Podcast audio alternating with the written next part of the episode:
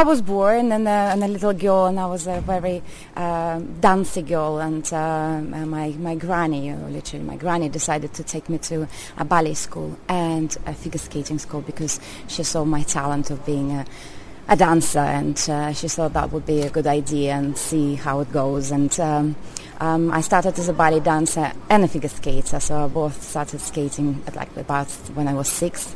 So, and then just about eight or nine, I had to decide which way to go because at that point, both ways were serious for me, and uh, I I couldn't give up but I had to. I, I, had to choose which way to go.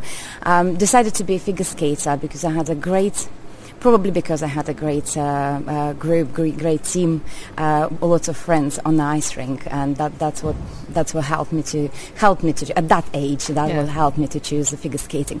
But uh, then uh, I had a career of a sport person because um, uh, I became a quite su- successful figure, figure skater in my, my career.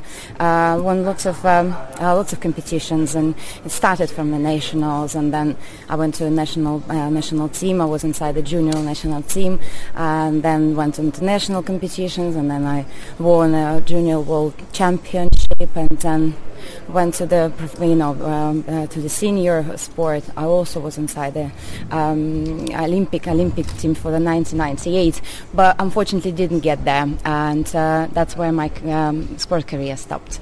Um, and I decided, to, you know, that I don't want to stop figure skating, and I came to the theatre on ice. That's that's where I am now. because competition-wise, do you have to stop at some end? Uh, there is no particular age that you have to stop, but physically um, it naturally happens because as you're getting older, um, your your body stop working the same. way. it's not working the same way. It doesn't matter how how good you are. Uh, with this, uh, the, the uh, the intensity of the skating or figure skating and uh, uh, spending the energy there, it just makes your uh, makes your body feel feel tired. And you, obviously, the younger generation when they when they grow up, they over overtaking it. So you really um, about 30, you you definitely are out of that. But not everybody gets to 30. It's usually it's like about 20 that when you stop stop skating as a as a skater in the competitions. What do you need to do to keep fit? Obviously, you're every day on stage, but what do you need to do? Do you still practice every day? Do you practice after shows? What do you do?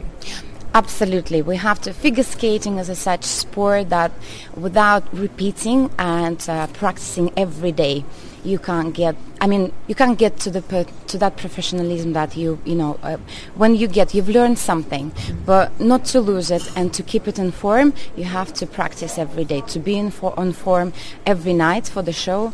We practice like on tour. We practice about three hours a day um, every day. Yes, we divide that time in between ourselves, but apart from just warming up your own body, uh, we have to practice how we skate together, how we make making sure that everything's clean and tidy and nice inside the show because on the stage there is lots of people get gets involved. As you've seen on the, just one of one of the pieces there is 12 people at the same at the same time on stage and they have to um, you know uh, do the do the piece. Apart from just skating they have to perform it and they have to be um, precise and not to hit each other with with the blades or not to collapse anywhere or not to so it's it's a, it's a such work that uh, that needs to be done every day.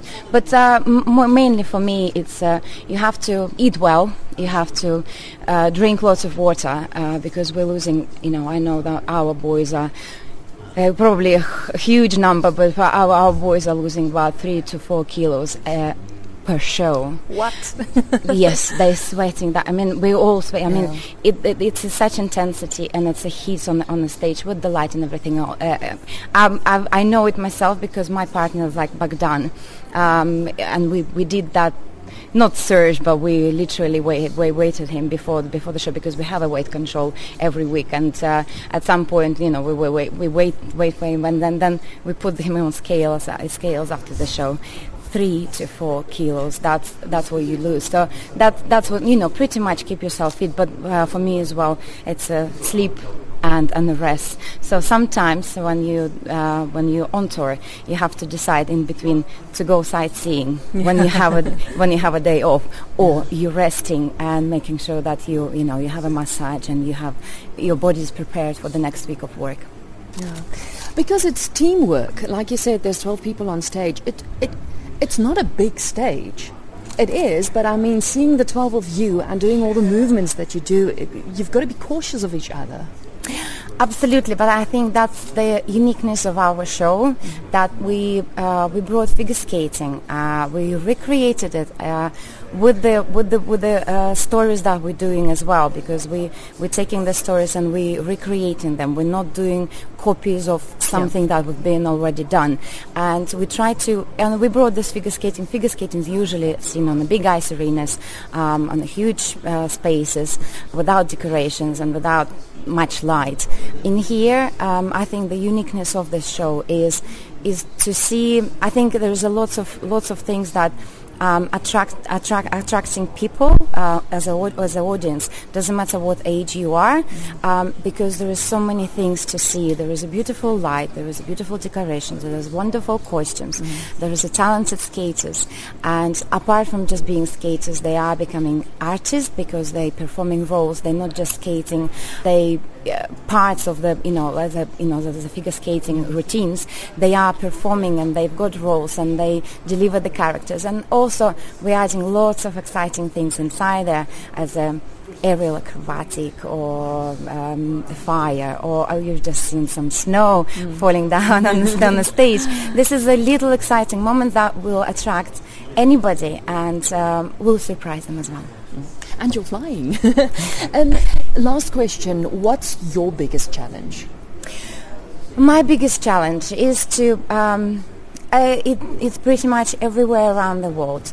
Um, I believe uh, for me, I, I always I always get nervous every time the audience in the auditorium is a new new for me. Like every night, there's new people come to you know sit down in this in the seats, and they um, they want. No, they some some of them are expecting something, and some somebody's not expecting anything. And my biggest challenge is to excite them and to keep them um, I would say they uh, on the edge of the seat through the whole show from the beginning to the end and make sure that they, you know, truly enjoy that.